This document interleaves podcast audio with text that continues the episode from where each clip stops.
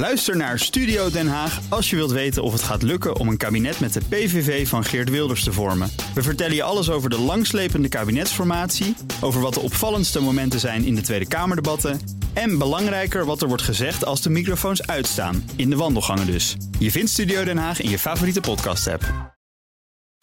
De column van Jaap Jansen.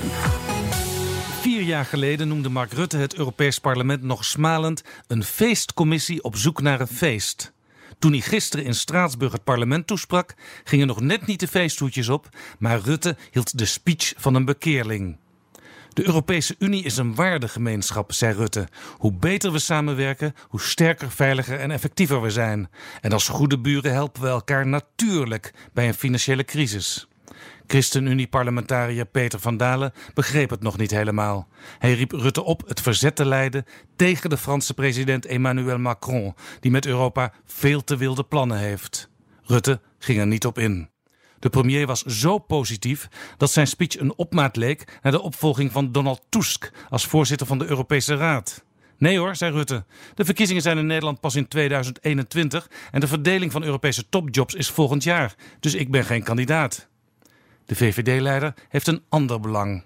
Hij realiseert zich dat het Europees Parlement al lang niet meer een feestcommissie is.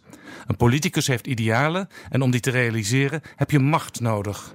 Voor nieuwe wetten is de steun van het parlement onontbeerlijk. In dat parlement zijn de christendemocraten oppermachtig, gevolgd door de sociaaldemocraten. De liberale fractie, waarin VVD en D66 vertegenwoordigd zijn, gaf in het verleden als derde vaak de doorslag. Maar dat is al jaren niet meer het geval. Fractieleider Guy Verhofstadt is daarom op zoek naar nieuwe aanwas. Vorig jaar sloot hij zelfs in het geheim een akkoord met de Italiaanse Vijfsterrenbeweging. 17 Italianen zouden zich aansluiten. Het ging niet door, want Verhofstadt verzuimde op tijd zijn fractie erbij te betrekken. Die eurosceptische populisten erbij? Dat ging veel liberalen te ver. Rutte had al toegestemd, want hij weet: in Europa heb je massa nodig. Maar er is een nieuwe kans, met een veel grotere prijs.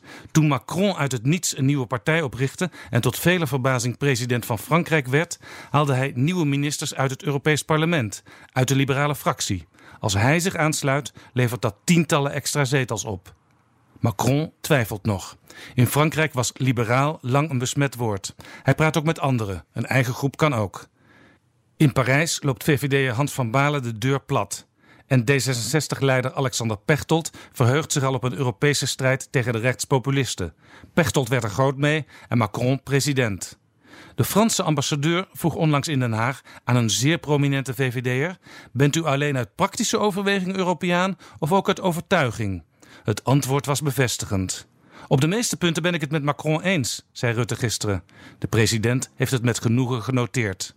Emmanuel Macron zal zo lang mogelijk wachten voordat hij zijn bestemming bepaalt. Misschien pas na de Europese verkiezingen. Aan Mark Rutte zal het niet liggen.